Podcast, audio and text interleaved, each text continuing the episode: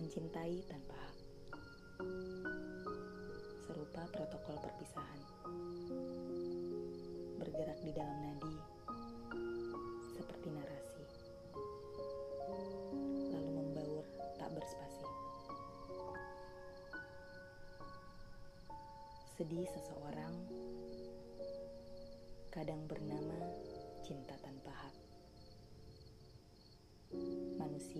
Penantian akan terus berkelana.